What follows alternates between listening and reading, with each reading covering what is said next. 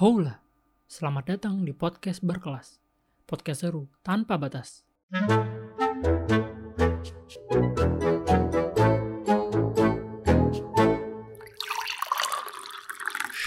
Udah, dengerin dulu aja. Terkadang, sepercaya apa sih kita perihal obat-obatan yang kita minum terhadap khasiat atau manfaatnya? Yang kita tahu dan aminkan adalah kita sangat percaya sekali dengan sebuah tubuh dari rumah sakit, beserta karyawannya, meliputi dokter, apoteker, hingga resepsionis. Tapi, apa kalian sepercaya itu perihal obat-obatan yang kalian minum? Itu berkhasiat karena zatnya atau karena sugestinya? Bersama saya Alif Ansar, please welcome, selamat datang Nisma Bawazir. Halo. Eh, wis. Adem nih suaranya. Eh, wih. Pakai selimut dong kalau adem bahaya. Gimana gimana Liv apa kabar? Sehat ya? Oh, kebalik nih. Sehat. Kan, Oh, kan saya yang nanya. Announcer biasa.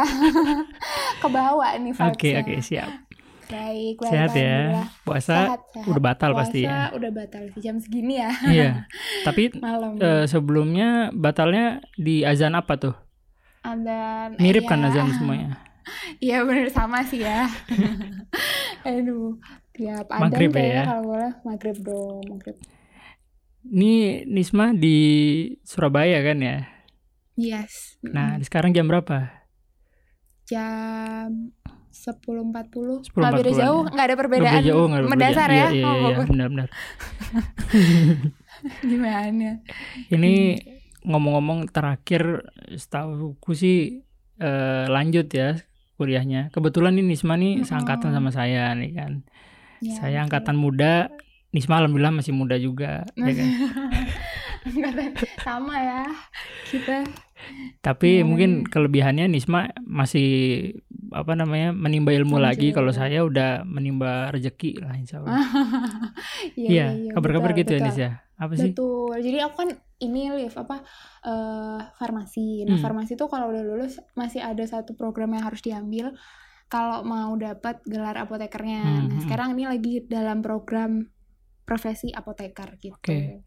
Nah itu maksudnya eh, kalau lulus selama menjadi apa tuh? Kalau sarjana farmasi itu berarti S-Farm ya? S-Farm itu boleh 4 tahun aja.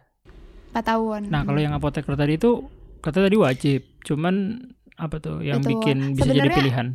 bisa jadi pilihan sih kak Eh, sebenarnya gini kalau jadi pilihan atau enggak Hmm?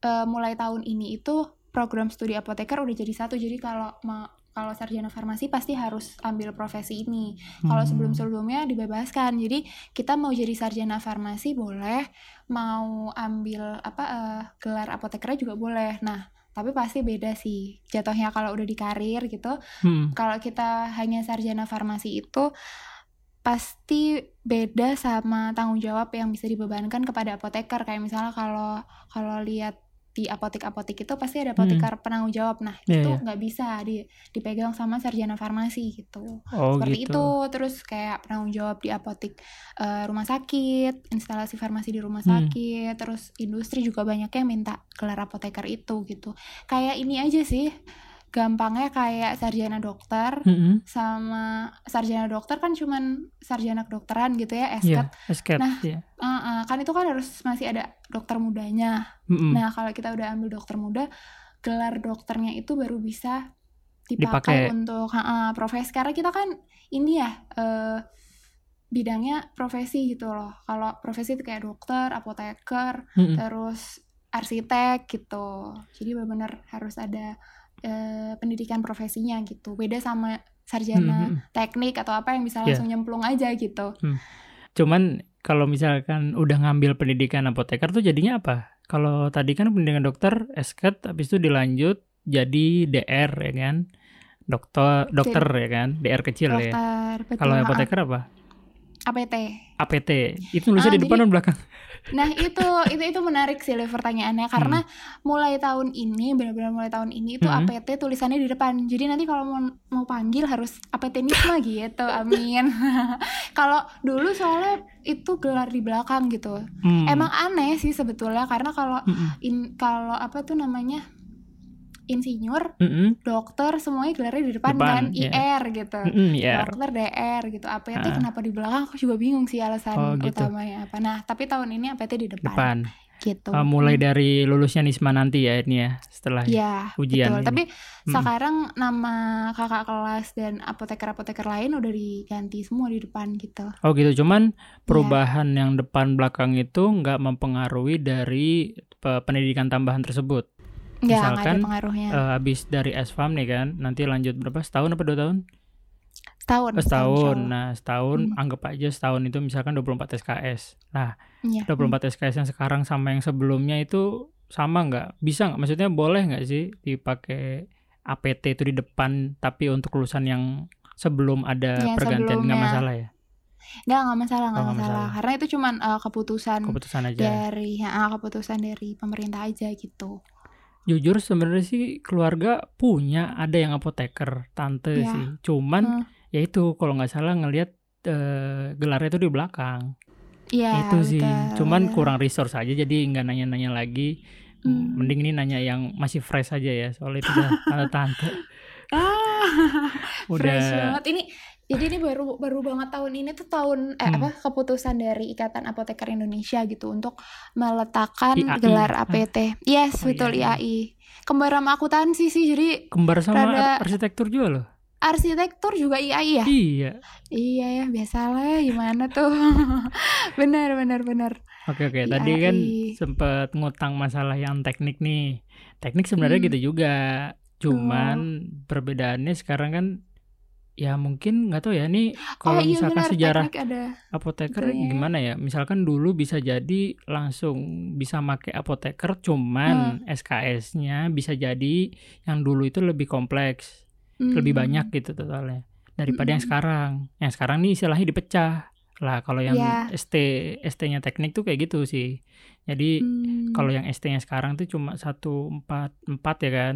Nah dulu eh, orang tua dan senior senior itu yang langsung dapat IR Mm-mm. di atas tahun 2000 kalau nggak salah apa 9 berapa gitu kan itu masih IR Hmm. itu SKS-nya ternyata 160 62 gitu Oh perbedaan SKS ah, jadinya ya. jadi I see. habis ST itu bisa ngambil IR sebenarnya ke PPI Hmm, atau ada hmm. program di kampus itu tersebut Iya gitu. sih teknik insinyur tuh teknik ya benar-benar benar lupa Iya, guys. kalau insinyur Maaf. depannya IR-nya juga. Eh, benar, Cuma nambah SKS-nya gitu kan.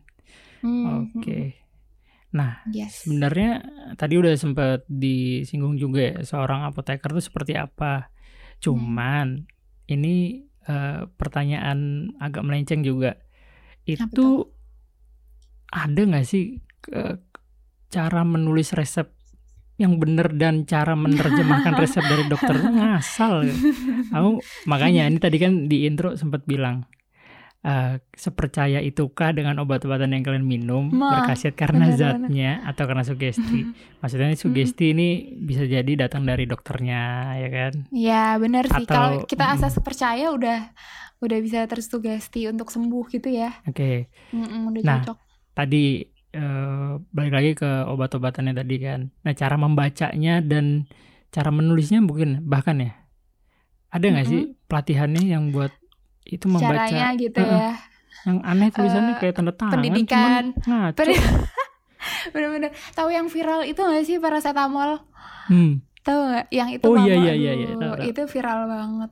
Karena sebenarnya gini loh. Jadi kalau kalau resep Hmm. masuk tuh apotik sebenarnya kita harus tanya dulu assessment. Jadi ada tuh beberapa alur yang harus di dijalankan oleh apoteker untuk Hmm. melayani resep gitu. Jadi misalnya ada resep masuk, kita harus assessment dulu. Jadi kita tanya dulu tuh eh, pasiennya ini apa yang dikeluhkan, keluhannya apa gitu. Oh, Terus terus eh, apa kata dokter gitu. Nah, jadi dari situ kan kita juga bisa tahu, oh kalau dokter mendiagnosa ini gejalanya ini mm-mm. Udah sesuai nggak gitu. Jadi kita sebenarnya Hmm. juga harus ada penila- penilaian kesesuaian eh, diagnosis dari dokter tuh sesuai apa enggak. Terus kalau emang udah dirasa sesuai, kita pasti bisa mengira-ngira.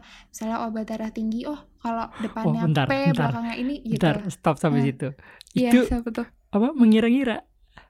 Ah, ah, kayak maksudnya bukan mengira-ngira sih Oh, karena udah pasti kayak kalau misalnya obat panas gitu Hmm, hmm, hmm. oh obat panas nah itu kan ada merek dagang yang paling fast moving yang paling cepat keluar yang Heeh. paling gitu nah kita udah bisa apa ya udah bisa menentukan dari situ hmm kalau itu biasanya kalau dokter itu apalagi kayak kayak kita eh, di apotik yang sebelahan sama rumah sakit Mhm. tertentu misalnya Ya. pasti kita udah kenal sama dokter itu sukanya ngeluarin eh, sukanya meresepkan obat apa kita udah kenal. Hmm, oh hmm. obat spesialis apa tuh eh, eh, dokter spesialis apa penyakit dalam? Oh dia sukanya obat ini ini ini. Nah jadi kita secara nggak langsung tuh udah tahu. Nah Apa? misalnya kita nebak nih paracetamol bener nggak tuh? Alurnya kan kita bisa lihat oh benar alur penulisannya kan pasti ada mirip-miripnya lah ya. Jadi kita bisa baca nah oh gitu gitu.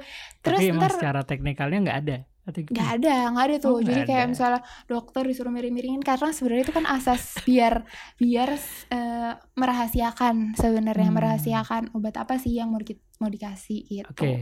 jadi pasien Hmm. lain nggak tahu pasiennya sendiri juga nggak siapa juga. tahu ternyata penyakitnya penyakit yang ganas gitu ya itu kan ada etikanya untuk eh, eh, iya. menenangkan Iya, biar nggak betul. panik gitu Nah, nah, ini. gitu Oke, itu etiknya lah ya. Etik Yes. standar kesehatan. Mm-mm. Nah, kalau perihal ini, kalau misalkan kita, aku mau bypass nih misalkan ngasih resep Mm-mm. dokter yang dulu mungkin sudah Mm-mm. pernah dipakai, pernah ya kan? Mm-mm. Terus habis itu ya udah aku mau pakai lagi gitu langsung ke bagian apotekernya atau obat di salah satu eh, rumah sakit misalkan dalam rumah sakit ya berarti dalam rumah sakit tersebut ya kan. Mm-mm.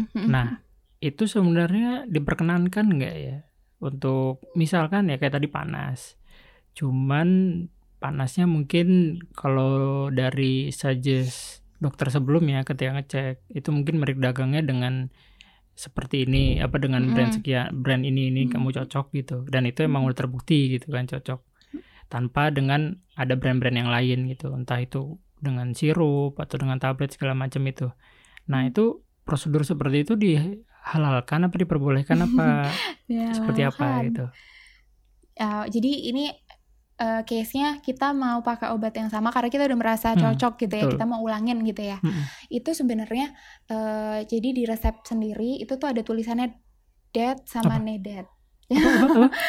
Dead sama needed. Jadi gini, Liv, Hmm. kalau dokter itu eh, biasanya ngasih misalnya obat, misalnya kamu ke dokter nih, kalau dikasih obat paracetamol Iya, gitu. Cah, andalannya paracetamol, aduh. Paracetamol tuh dikasih misalnya Andalan. Eh, jadi kayak misalnya eh, ini yang diminum tiga kali sehari Hmm, saya iya. kasih 15 tablet gitu Oke. nah terus udah kan nah terus eh, kamu ke apotik terus Mm-mm. kamu tebus tuh terus kamu bilang sama mbaknya mbak Ah, saya mau ambil tujuh aja ya gitu ah, oh terus? iya nggak apa-apa gitu nah oh dua hari berarti ya nggak apa-apa kan memang boleh gitu Oh, iya, iya. Nah, Terus? nanti ada nanti ditulis kita sebagai apoteker di apotek itu akan menulis bahwa kamu sudah mengambil 7 dari 15 obat yang telah diresepkan oleh dokter. Jadi ketika kamu kembali ke apotik, misalnya dua bulan lagi gitu ya, tiba-tiba kamu panas dan kamu pengen ngambil lagi, sebenarnya itu dibolehkan. Kalau ada tulisan oh berarti kamu masih punya jatah Oke, bebatu iya, delapan jatah. ya. Asal dengan syarat eh apa tuh namanya? Tanggalnya itu ada ada Batasnya. ada rentang tanggal yang dibolehkan Oh, seperti itu. ya. Heeh. Tapi biasanya kalau obat-obat yang untuk penyakit-penyakit yang kronis gitu ya, Hmm. yang akut, yang yang ganas itu ini sih biasanya sama dokter udah dipasin. Nggak mungkin kamu bisa nggak mungkin kamu bisa ambil lagi misalnya oh kamu cuma dikasih 15 dan kamu harus menghabiskan 15 itu Semuanya. misalnya mm, kayak Hmm. antibiotik itu pasti Iya, nggak iya. bisa sih Heeh. karena antibiotik sendiri nah ini nih buat teman-teman semua kalau Mm-mm. minum antibiotik jangan asal-asal karena antibiotik tuh eh, bisa menyebabkan resistensi atau kekebalan Kekebalan Ntar- dari ini sebut apa virus tersebut ya? Apa sih bakteri Dari tersebut ya? dari bakteri dari badan Hmm. kita udah kebal tuh jadi kalau minum uh, antibiotik misalnya diresepin kamu dikasih 15 gitu ya, ya harus dihabisin ke 15 itu jangan sampai disisain karena emang ketika kita sakit dan dikasih antibiotik itu wah mantep banget jadi langsung misalnya kita dikasih resep Hmm. lima hari ya harus Iya. dihabisin ya oke oke dua hari aja udah beres dua hari udah wih sehat nih gitu Oh gitu. karena antibiotik emang ke, eh, gitu Sifatnya. Hmm. betul sifatnya emang eh, jos gitu ya tapi memang harus dihabiskan karena biar kalau kalau kamu nggak menghabiskan itu bisa menyebabkan kekebalan jadi nanti kalau misalnya eh, suatu saat sakit lagi udah Hmm. nggak bisa tuh dikasih antibiotik itu udah nggak mempan Oh, gitu. kenapa? karena udah kebal jadi kamu Oh. Mm-mm, jadi Lah terus rentang untuk bisa make itu lagi seperti apa? Soalnya Hmm. emang alhamdulillahnya udah lama nggak sakit aneh-aneh. Emang Betul. dulu kalau pas masih kecil sering banget panas atau apa gitu ke main ke dokter habis itu dikasih obat kayak gitu kan. Ya Hmm. puyer sih istilahnya dulu tuh. Ya gitu-gitu. Hmm. Habis itu sehari dua hari udah langsung jos aja, mantap. Iya kan, emang Hmm. emang emang bener. Jadi ada tuh dokter yang suka eh, meresepkan antibiotik, memang pada etiknya nggak boleh. Makanya kita tugas apoteker itu untuk gimana tuh me- memastikan bahwa obatnya itu sudah benar apa enggak gitu. Hmm, Kalau misalnya misalnya kurang tepat, ya kita telepon tuh dokternya, kita telepon atau kita hubungin lagi gitu. Dok bener nggak ini gitu. Hmm.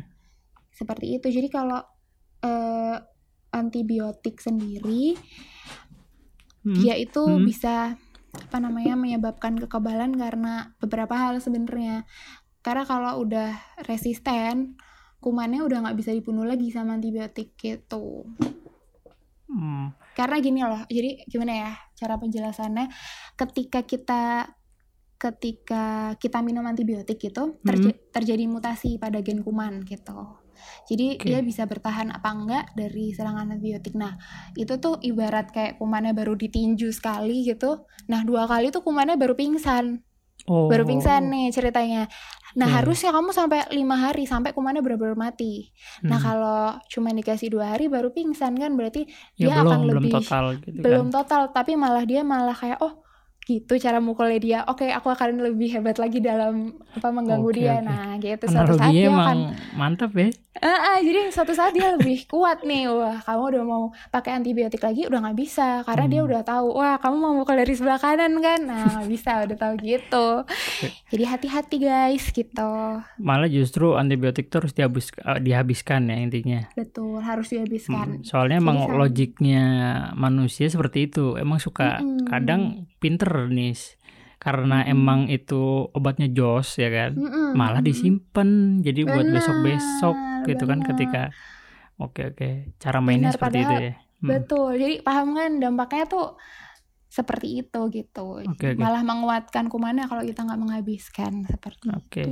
Berarti sebenarnya tadi inti pertanyaannya yang pertama, oke Hmm. sebenarnya diperbolehkan dan itu dengan prosedur yang eh, teratur ya. Mm-mm. Ya maksudnya teratur itu dengan pencatatan resmi. Kalau misalkan udah pernah ngambil apa obat tersebut tadi kan analogi misalkan obat panas ya kan. Mm-mm. Nah itu kalau misalkan tertib seperti itu diperbolehkan berarti ya. boleh karena kan jadi jenis obat sendiri tuh juga ada beberapa gitu ada yang obat bebas obat keras Hmm, obat hmm. bebas terbatas nah itu semua punya aturan yang berbeda-beda gitu Oke. jadi ada beberapa obat yang memang boleh Mm-mm, diambil iya, Bang. ada beberapa Oke. obat yang harus eh, harus pakai resep Oke. dan dengan eh, aturan yang gimana ada tanggalnya ada ininya Iya gitu. ya ada Bahkan kalau. Iya. narkotik ya ah, bahkan kalau narkotik itu narkotik eh, prekursor itu malah lebih susah lagi aku pernah tuh Ini kayak dengernya bahasa-bahasa yang ada di 86 ini biasanya nih.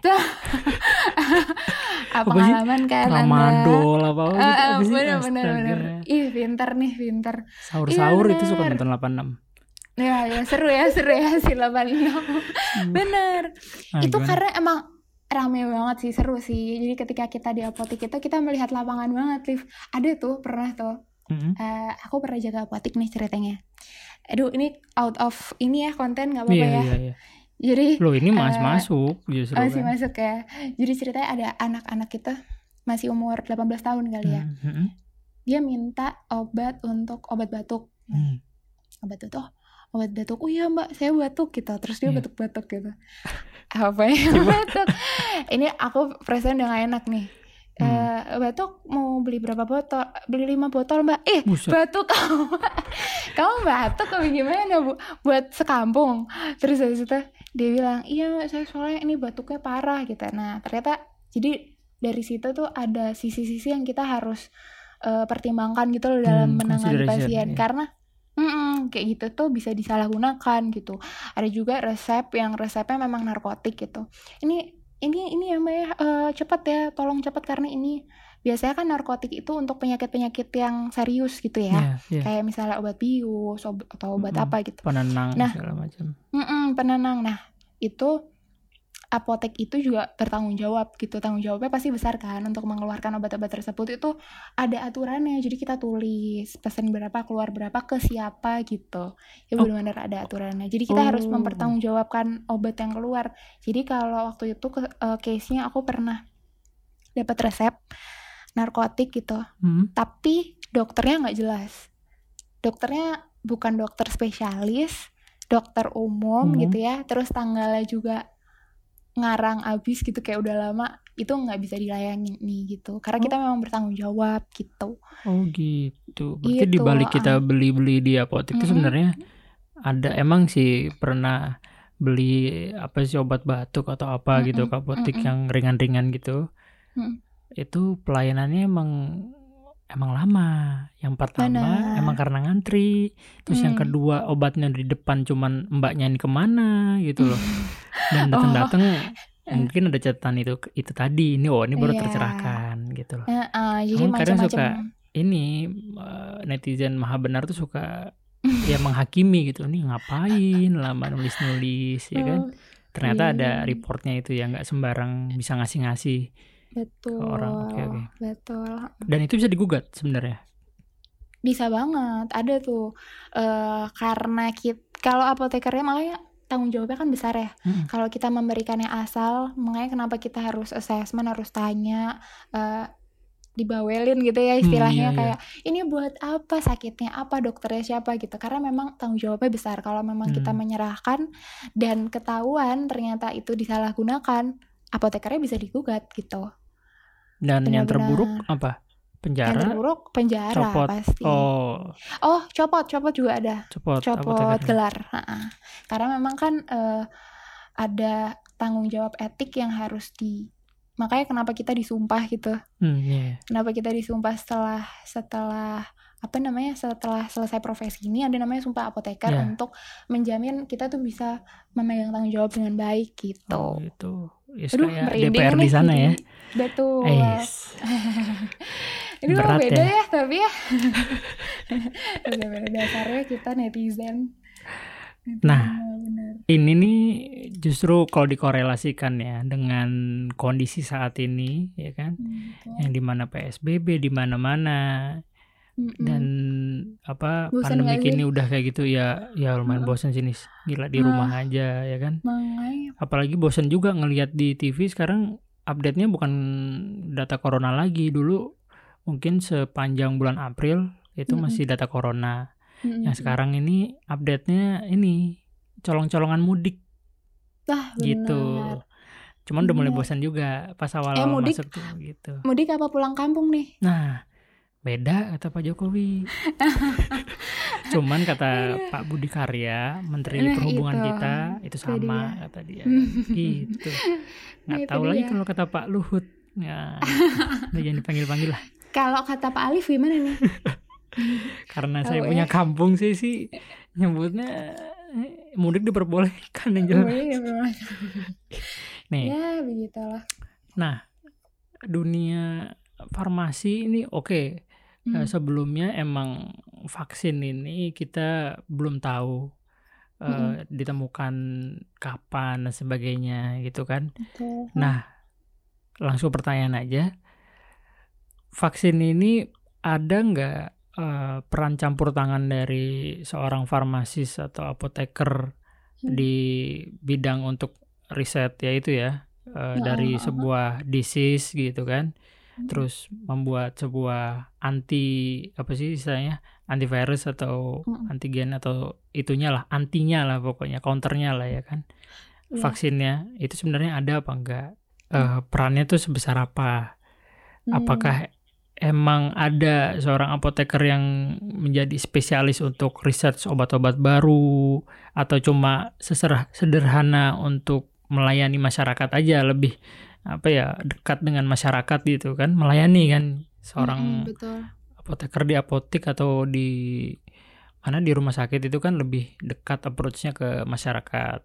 Dan kalau dibalik itu, misalkan di salah satu brand ternama ya, entah itu lab eh, lab-lab ternama sorry, itu ada Kimia Mhm. Farma dan segala macamnya yang memproduksi obat-obat gitu atau Kalbe atau segala macam itu ada nggak sih peran apoteker gitu? Apalagi di pembuatan vaksin ini yang diharapkan segera muncul ya kan? Eh, untuk penelitian vaksin corona sendiri eh, kita harapin cepat cepat ketemu ya Liv karena emang ini sih eh, benar-benar dibutuhkan banget sekarang dia itu untuk penelitiannya nggak bisa nggak bisa ditemukan oleh satu profesi aja sebenarnya Mm-mm. itu kan butuh Iya, iya, teamwork betul. gitu ya Teamwork, yes. Nah, nah untuk apoteker sendiri sih dia punya sebenarnya apoteker itu lebih banyak ini sih bisa nggak cuma di apotek gitu nggak cuma di apotek dia lebih luas untuk apa namanya kerjaannya gitu dia lebih luas dia bisa di apotek bisa di rumah sakit di klinis gitu ya di puskesmas au- maupun di industri gitu kosmetika itu semua kan Hmm, butuh apoteker untuk menjamin bahwa sediaan yang dikeluarkan itu sesuai, aman dan tepat gitu. Kalau di industri sendiri kayak kemarin aku baru magang di Hmm, baru magang. Bio, Bio Farma, di PT Bio Farma itu yang Iya, bikin update vaksin story deh terus tahu kebetulan nih. ini.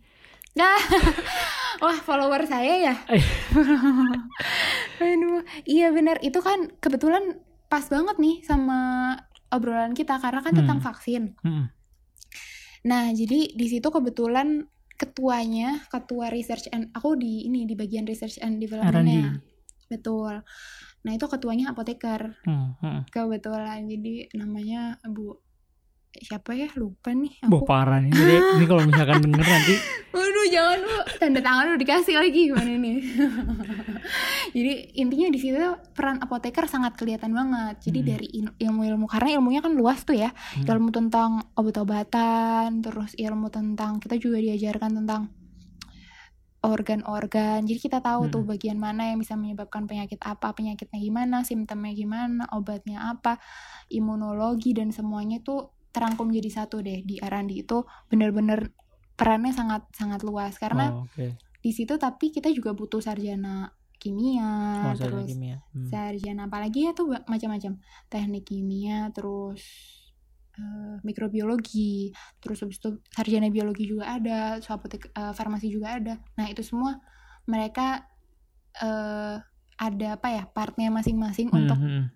Untuk mendapatkan ilmu yang eh mendapatkan tujuan yang mau dicapai gitu kayak vaksin corona ini kebetulan kalau di Bio Farma sendiri itu eh, mereka menggunakan transfer teknologi gitu jadi ilmunya itu ditransfer dari luar negeri gitu Ditransfer tuh- dari luar negeri. Mm-mm, Maksudnya jadi- berafiliasi dengan orang luar negeri. Betul. Ah, gitu. Jadi mereka minta diajarin ilmunya gitu. Nah, Mhm. nanti untuk diperbanyak di Indonesia gitu. Oh, Jadi Iya, untuk vaksin Bio Farma tuh BUMN kan? betul Oh, iya. BUMN. Ha, ha, ha. BUMN. Jadi jadi makanya emang sekarang itu mereka memproduksi PCR test. Oh, PCR testnya ini. eh COVID PCR ini. tesnya COVID ini. Untuk vaksin kan memang di luar negeri juga masih Iya, diuji masih digodok. klinik kan. Iya. Mm, masih digodok. Itu jadi masih belum gitu. Nggak bisa kalau kita oh, mencari sendiri karena nggak segampang itu kan. Tahu banget Iya, kan kompleks banget kan corona. Jadi belum nunggu dari luar mungkin nanti kalau udah ada gitu akan diuji klinis disesuaikan dengan eh, sama orang-orang Indonesia gitu Iya. disesuaikan dengan tubuhnya kan beda-beda ya Iya. jadi itu disesuaikan terus diperbanyak gitu di Indonesia ya hopefully segeralah ya Segera ya. Iya. Cuman gini, oke oke. Mhm. eh perihal untuk tadi ya bisa dibilang apa masing-masing tubuh manusia mungkin beda-beda eh, Mm-mm. reaktansinya terhadap zat-zat luar ya apalagi Ih, zat-zat kimia. Wih, benar-benar enggak enggak pernah ini justru pertanyaannya enteng ini. Cuman Apa creepy aja. Apa tuh? eh pernah nggak sih Nisma Mm-mm. berhadapan atau pernah dengar cerita kalau misalkan untuk testing salah satu vaksin atau obat yang udah Mm-mm. diproduksi Mm-mm. itu kan sebelum apa ya tadi bisa dibilang sebelum rilis itu kan ada ada uji-uji ada uji-uji quality Betul. control dan itu termasuk quality assurance juga kan. Iya. Dan itu ada testing juga pastinya kan. betul, Nah. betul, betul. Ini yang di testing pasti eh, Manusia. asumsiku itu Heeh, pasti orang yang mengidap penyakit yang ingin disembuhkan. Yang pertama. betul. Misalkan awal dulu ada obat batuk nih. Sebelum bisa disebut obat batuk karena ada orang dulu yang punya penyakit batuk misalkan. Nah, Mm-mm. pernah dengar nggak cerita orang yang pertama kali meng, apa ya mendonorkan badannya atau jasadnya yang bisa jadi sakit nih kan, sakit batuk, Heeh, terus eh, menjalani terapi yang disediakan oleh ya bagian R&D tadi untuk testing. Itu apa ya? Niswa pernah ini nggak? Pernah dengar-dengar perihal itu nggak? yang secara langsung gitu ya. iya, secara benar-benar langsung. Entah itu Pernah, cerita dari pihak pihak pertama Mm-mm. atau pihak kedua masih bisa inilah. Cuman kalau dari katanya mungkin udah jangan dikat aja mending. Bener-bener. Ini sih pernah pernah pernah. Jadi nih eh, Hmm. baru yang yang terbaru itu kemarin pas aku di Bio Farma sendiri. Hmm. Boleh gak sih nyebut merek? Boleh Ya, ya, nggak PT Bio masalah. Farma. apa ya? Ini jadi aku waktu itu lagi di kamar kos nih Liv ceritanya. Oh, Terus gitu. diketok ah, Di dagu sama tuh? tidak gue enggak di jalan kesehatan aku mah yang deket-deket aja jalan soalnya kita Hmm. Biar terus satu saat itu malam diketok sama depan malam? kosku Mm, malam nih Oh. di, di- sama teman kos diketok "Eh, teh mau tanya dong gitu katanya kenapa aku ini nih aku tuh kemarin di diminta sama salah satu atasan gitu Hmm. untuk eh, jadi salah satu ini apa Apa? uji cobanya uji coba Oh, jadi Siapa kamu? bukan bukan si Oh si Mbak yang Ini. ngetok ini, Mm-mm. Jadi tetangga kosku gitu ceritanya. pendonor lah. Betul. Terus dia tanya eh, salah satu merek obat gitu. Dia tanya ini Ah. obat apa sih sebenarnya gitu. Dia tanya ada efek sampingnya nggak kalau aku di. Jadi dia akan dikirim ke Jakarta Ah. untuk di situ tuh akan di apa tuh istilahnya didisiplinkan makannya Iya, iya. terus habis itu eh, lingkungannya gitu akan diatur jadi dikontrol gitu loh nggak asal jadi untuk mencoba suatu obat itu eh orang yang akan diuji coba itu harus dikontrol juga makannya terus lingkungannya segala macam ya nah suatu obat yang akan diproduksi oleh PT Bio Farma ini Hmm. itu adalah obat yang dia kan nyebutin ya namanya ini Hah. ini obat apa sih sebenarnya gitu aku mau diuji coba obat ini nih gitu terus aku bilang oh itu obat pengencer darah gitu Hmm.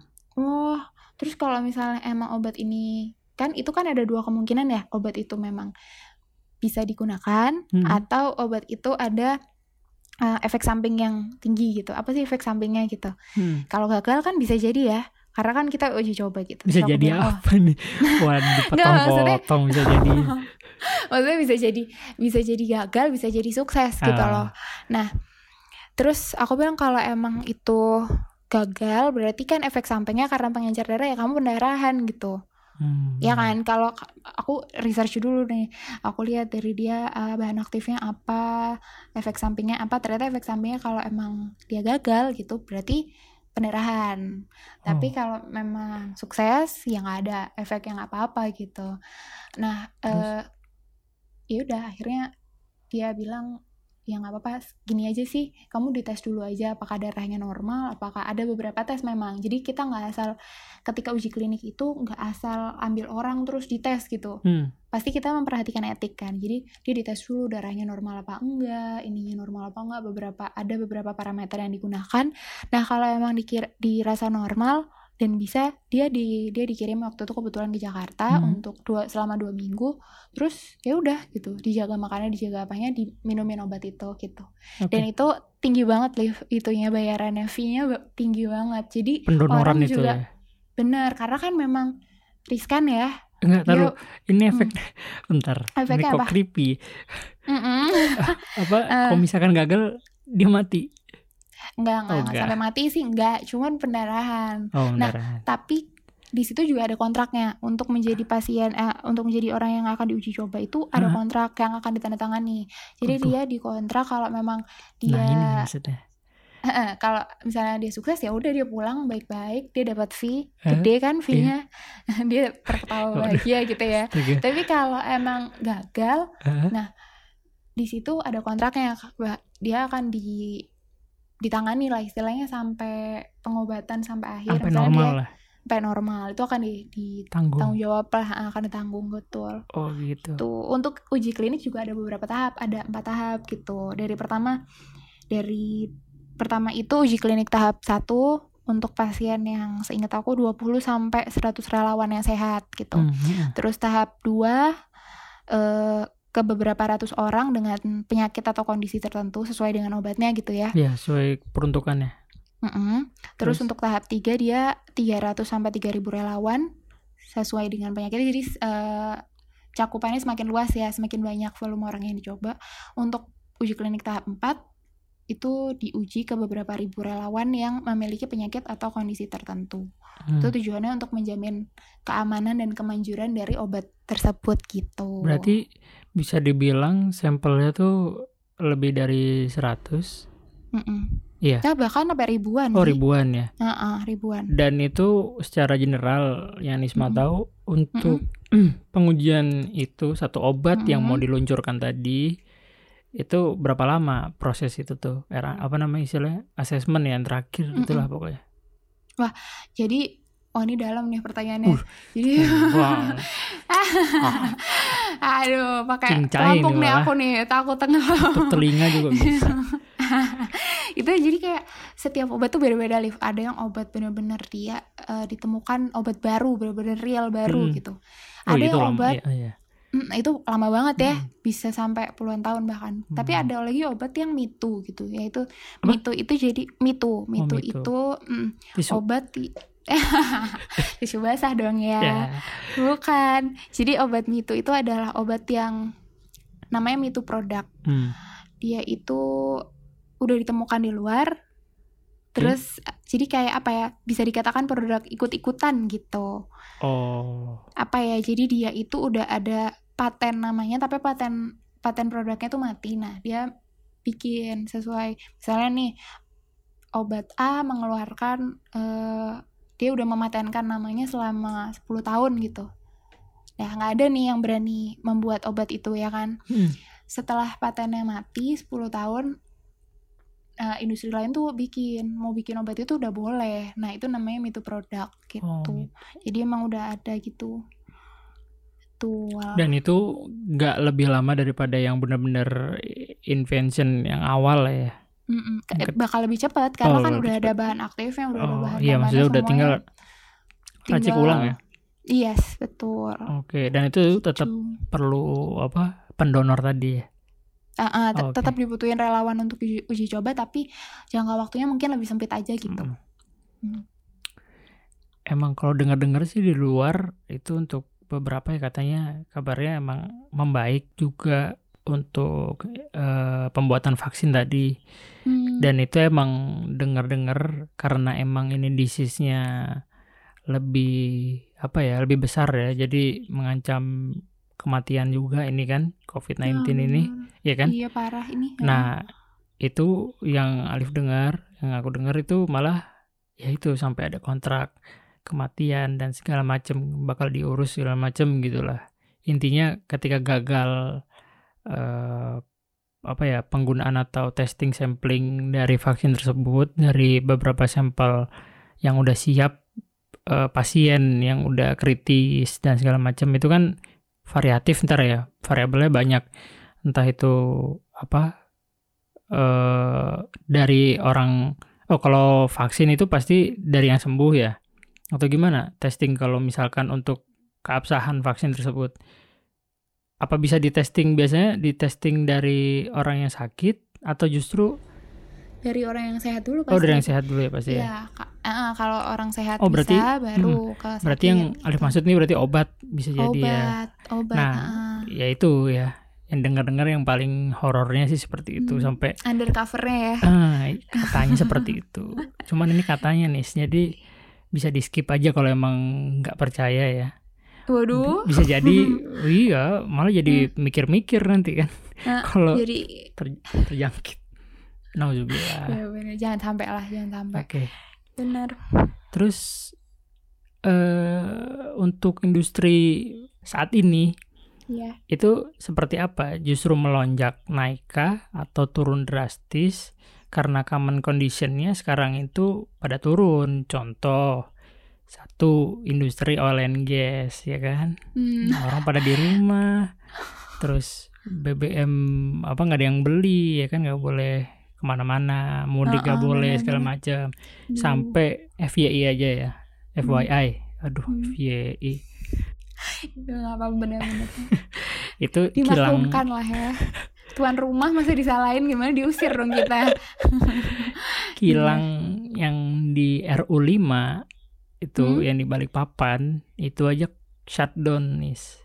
Hmm. Jadi nggak produksi lagi karena emang storage-nya udah pada full yang di sana karena demand-nya pun dikit gitu loh. Iya sih. Jadi ya ngapain produksi lagi gitu loh ketika yang untuk dijual buat apa namanya ke konsumen aja nggak ada yang beli gitu kan akhirnya shutdown itu oil and Hmm. gas. Nah terus kemarin sempet ngobrol-ngobrol juga sama apa ya ya itu ya temenmu itu ya industri kreatif juga beberapa Oh, see, iya, iya. beberapa ini beberapa udah vakum ya kan karena emang Iya, social iya, iya. distancing itu turun juga Sedih sih terus itu sedih banget. kafe F&B itu juga mungkin uh, turun juga sih. dampaknya juga lah Betul. ini kira-kira industri obat-obatan seperti apa Hmm. apakah Sebenarnya- masih banyak netizen yang mikir oh ini sebenarnya batuk biasa akhirnya masih banyak yang beli obat-obat batuk padahal dia terjangkit sebenarnya Sebenarnya ya. kan kayak gitu kadang-kadang benar. takut gitu loh buat testing aja takut Ih, iya sih. iya jujur apalagi yang Bahkan- fobia jarum suntik wah sulit lagi tuh kayak gitu-gitu Iya. Apalagi tapi bahkan ada tuh orang yang Mm-mm. merasa dia perlu untuk dites Mm-mm. ke rumah sakit nggak diterima jadi emang sampai segitunya iya jadi macam-macam sih ada macam-macam ada Hmm, orang yang hmm. memang eh, merasa dirinya dia udah gejala dia dengan sadar diri gitu menyerahkan ke rumah sakit gitu kan untuk kira dicek aja siapa tahu aku corona gitu kan itu Iya. malah di rumah sakit mungkin memang fasilitasnya yang belum ini kali ya ya jadi ditolak tuh teman aku sendiri tuh dia dia Ada, merasa hmm. dia panas dia batuk ini kayaknya gejalanya bener-bener deh soalnya ya, kita emang Hmm. yang pertama ketika muncul eh, gejala yang istilahnya common ya common dengan common tuh maksudnya sering ya sering muncul di penyakit yang lain itu emang dianggap remeh karena emang Hmm. ya itu yang aku bilang dia tuh sama dengan yang penyakit lain maksudnya misalkan Hmm. batuk oh ya udah batuk aja gitu karena makan yang kurang baik atau panas dalam dan segala macam gitu kan terus kedua Hmm. panas panas itu gejala menurutku ya orang awam nih jangan disalahin Hmm. Nah, kalau misalkan salah dibenerin nanti itu emang logiknya badan untuk melawan virus atau bakteri Mm-mm. yang asing itu yang istilahnya ya. iya Benar. bereaksinya seperti perlawanannya lah antibody itu emang panas. Mm-mm. Jadi emang panas-panas itu biasanya emang ada ya itu ya ada zat asing lah ya yang menyerang antibody gitu sih. Dan Benar. kalau menurut pelosok-pelosoknya lagi ini orang bisa jadi hujan-hujanan, kecapean, jadi terlalu Ya, banyak gitu loh gejala yang kayak gitu gitu sampai nggak bisa eh, terlalu kabur lah ya Iya, terlalu iya itu terlalu general. Selain tes darah tadi, tes Mm-mm. dahak segala macam gitu kan. Itu baru Mm-mm. spesifik gitu kan. betul Jadi- Tesnya Mm-mm. ini tesnya buat pendengar apa nih Mm. berkelas ya Nis. eh Ya, Ada kelas tiga terus ini nih. kan belum lulus. hmm, bener ini kayak bener dites terus nih untung udah belajar itu ada ada tiga nih ini in uh, for your information ya itu uh, jadi ada tiga jenis gitu ada TCM Mm-mm. ada tes cepat molekuler ada PCR yang kita yang rame ini juga diproduksi sama Bio Farma sekarang Mm-mm. eh, udah bisa memproduksi sendiri polymerase chain reaction itu Uh, sama rapid test. Pelan dong namanya. Sulit nih. Mau dicatat apa gimana? itu ada ada tiga emang. Kalau TCM itu yang yang digunakan untuk diagnosis TB biasanya. Jadi pakai dahak Biasa. TB Oh, tuberkulosis. Oh, TB. Oh, tuberkulosis. Oke. Mm-mm. Jadi dia pakai cartridge gitu, Mm-mm. terus eh, nanti dikasih dahak gitu. Oh. itu Eh, itu, juga dahak atau ini apa sih maksudnya ludah liur biasa nah kalau yang itu PCR oh, PCR. lendir dari hidung tenggorokan yang di swab itu kan yang disogrok-sogrok itu iya itu PCR ha ngeri sih iya itu tapi nah tapi hmm, gimana gimana tapi kemarin ada yang free tahu live? Halodoc itu kerja sama sama eh, siapa siapa ya institusi apa itu free jadi kita tinggal kayak ini aja drive thru aja gitu jadi Iya, di mobil aja Iya, di luar negeri justru kayak gitu, di Korsel betul gitu kan. itu tapi di, Hmm. di Bogor tahu di Bogor sama Jakarta makanya di Surabaya belum Bogor? ih ada waktu itu Oh, tahu. jadi iya di di SPBU mana gitu itu Oh. kerjasamanya Halodoc sama apa dia ngadain eh, PCR Lagi eh, bukan bensin PCR, sorry. gitu di sogrok-sogrok. rapid test rapid test Oh, rapid test. Oh, rapid test kan Rapid darah, test. iya kan? ya betul yang ada kayak alatnya itu putih gitu terus tinggal diambil darah kayak gula darah itu itu. Heeh. Kayak terus narkoba-narkoba gitu kan. Ih, pengalaman ya pak Oh, enggak dong. Ini makanya dibilang steril tadi steril kan pagi rajin nonton 86 subuh-subuh Oh, gitu oh, kan. iya, iya, iya. iya Jangan benar. gitu lah. iya benar kalau itu sih yang paling cepet tuh rapid test live jadi makanya bisa drive thru kayak waktu itu yang acara Halodoc bikin itu Hmm. drive thru jadi kita di mobil aja udah terus di apa namanya di tes gitu pakai darah nungguin berapa menit ntar hasilnya keluar kita dikasih deh kertasnya gitu Dan Menandakan kita negatif kemarin, oke. Mm-mm. Dan kemarin sempet juga ngelihat ini emang karena emang suasananya di rumah ya kan. Jadi Hmm. pengetahuan-pengetahuan ini taunya dari sosial media. So- Iya, betul. s- Dari Instagram khususnya nih. Ada temen di Surabaya eh, kebetulan ya satu kampus dulunya kan kenal. Terus ini dia tuh ngasih beberapa stories ya penjelasan perihal rapid test Mm-mm. Eh, ya itu kalau nggak salah malam-malam atau gimana. Nggak tahu itu berupa kalau di di Surabaya itu berupa panggilan recommendation dari dari RT apa RW apa itunya nggak tahu ya perihal administratif ya. Cuman dia tuh dapat free yang pertama. Terus yang kedua itu dia dites ya kan? Dites dengan ambil darah. Nah ini ngambil darahnya nih kok beda-beda ya? Oh, yang sudah di apa di TV dan tadi Nisma sempat jelasin juga itu kan dia Mm-mm. ngambil darahnya cuman istilahnya kayak di ujung kayak apa Mm-mm. kalau MCU tahap yang abis kan biasanya MCU eh, sarap eh, nggak boleh makan dulu malamnya kan. Habis ambil Mm-mm. darah pertama bersih habis suruh sarapan habis itu ngambil darah lagi buat gula ya gula darah apa apa gitu. Heeh, yang kedua yang cuman di ujung doang.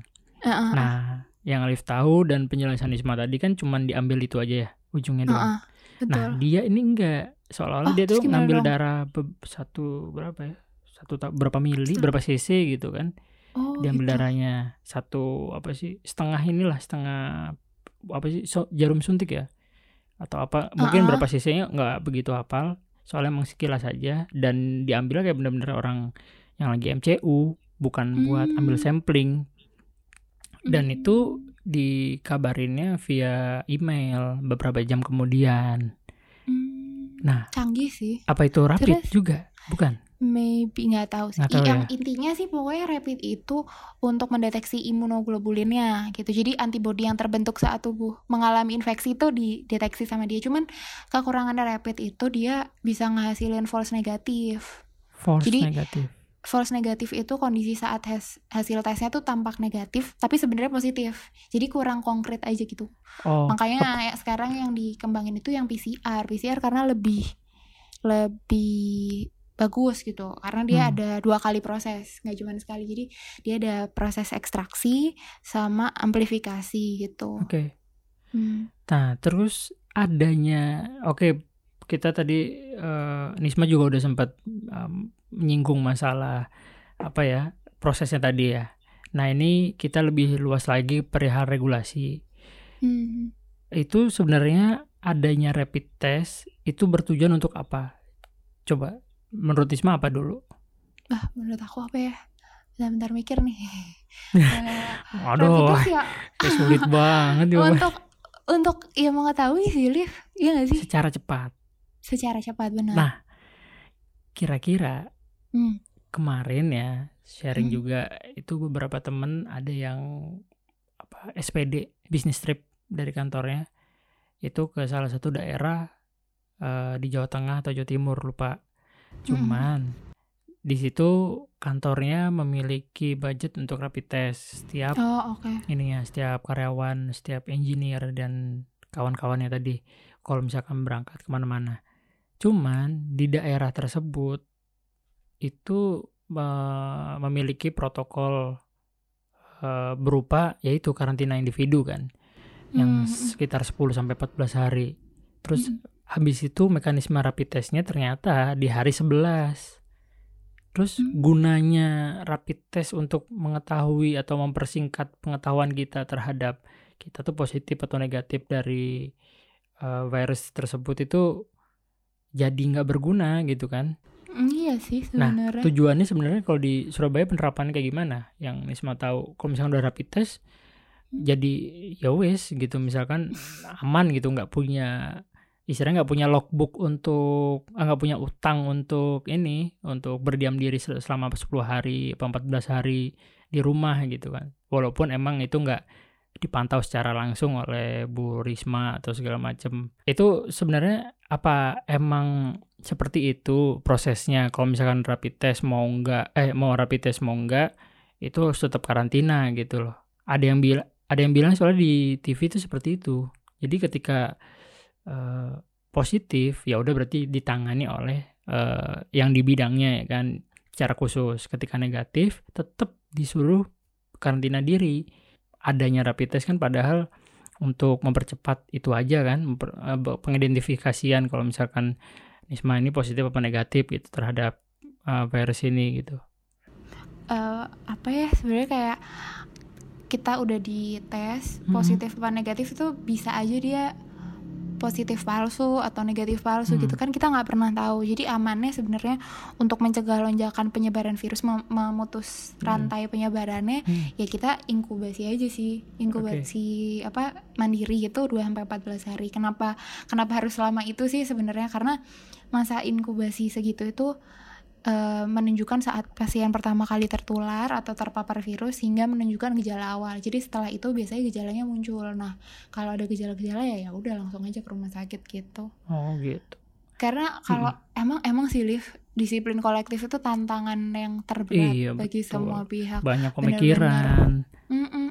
Dan kadang kan kita udah ya wajar sih, bosan gitu gak sih di Iya, rumah. terus sebulan lebih nih Ih dua bulan aku, iya dua bulan iya, wah dua bulan terus mana tugas tetap banyak Oh, iya. gitu kan. gini nih kan keluhan seorang berpendidikan tuh emang gitu ketika masuk Hmm. sambat juga ketika makanya nggak masuk juga ya wes sambat juga gitu Iya, emang kita nggak boleh kalah sama keadaan sih. Yes. Harus menghadapi hidup ala kita harus bener think out of the box Mm-mm. lah pokoknya. benar karena emang ini sih kita harus bersyukur banget Liv karena banyak orang-orang di luar sana yang yang diputus apalagi yang pekerja harian ya sedih banget Hmm, tuh iya benar-benar yang benar-benar udah gak punya kerjaan jadi kadang kalau ngeliat itu tuh kayak ah iya iya, iya harus bersyukur Nah, kalau kita itu. sibuk cuman tetap ada kerjaan gitu tetap Iya, ada iya. income yang masuk ya nggak Mm-mm.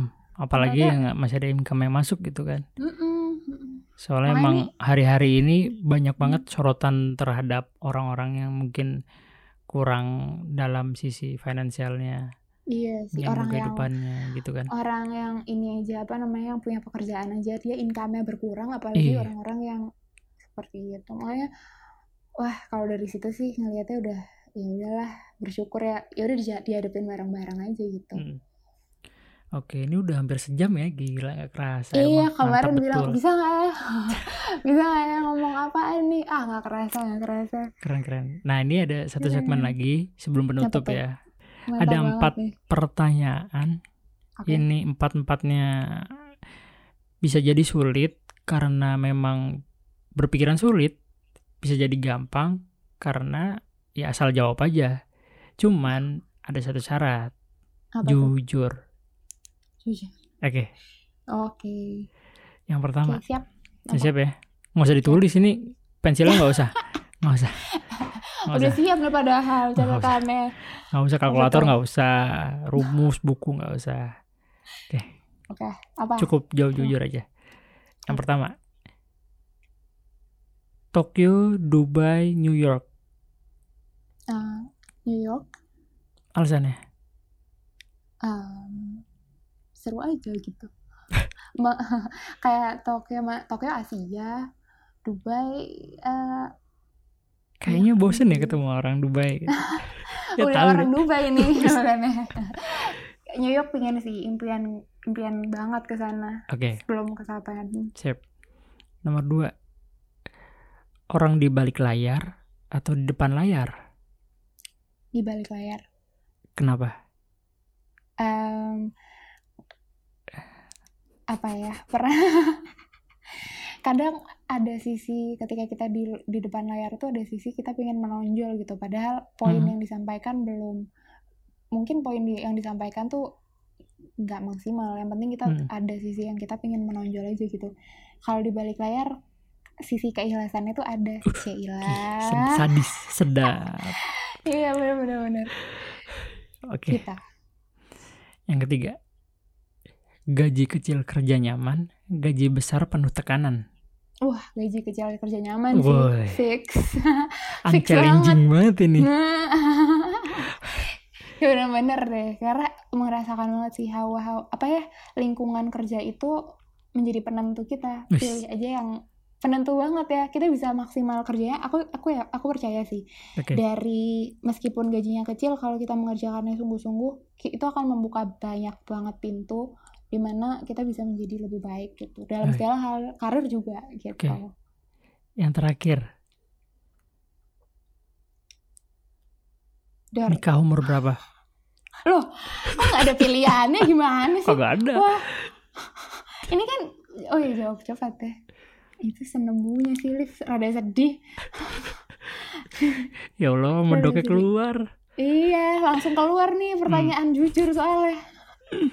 soalnya bener-bener, aduh, emang di usia-usia segini, usia-usia ini ya, apa namanya, bahaya banget kalau masalah asmara rawan. Nah, rawan banget sih, soalnya, iya, jadi aku tuh berpikirnya, jangan pernah nikah tepat waktu. Nikahlah dengan orang yang tepat dan di saat yang tepat aja gitu. Nemuin orang yang tepat itu susah, jadi ya udahlah pelan-pelan gitu. Wih, waktu Gitu yang tepat dan tepat waktu itu emang sangar diksinya itu berbeda Eh, ah, sekali. beda, ya. beda banget sih. Soalnya Eh, kalau iya nggak sih tepat waktu kadang-kadang Iya, apalagi bener. di keluarga ya. Jadi gitu. gitu ya. Malah memilih orang meskipun ada aja yang dekat gitu. Hmm. Cuman kita harus benar-benar berpikir karena kan buat ini ya, buat seumur hidup gitu ya nggak sih. Curhat nih. Proyeksinya seperti itu ya seumur hidup. Alhamdulillah. Benar benar benar. Gitu ya. Harus di harus di ini nih pikirkan matang-matang, dimasak dulu. Hmm. Bisa bisa. Thank you banget Nisma udah bisa ngisi di podcast episode kali ini dan mungkin eh, bisa menjadi salah satu bahan renungan dan bisa jadi eh, bahan informasi untuk teman-teman. Makasih juga Liv pertanyaan-pertanyaannya oke-oke banget semua teman-teman thank you udah dengerin sampai sekarang sampai detik ini Oke. ya udah menit keberapa nggak tahu nih Mantap. Oke, gitu aja. Saya Alif.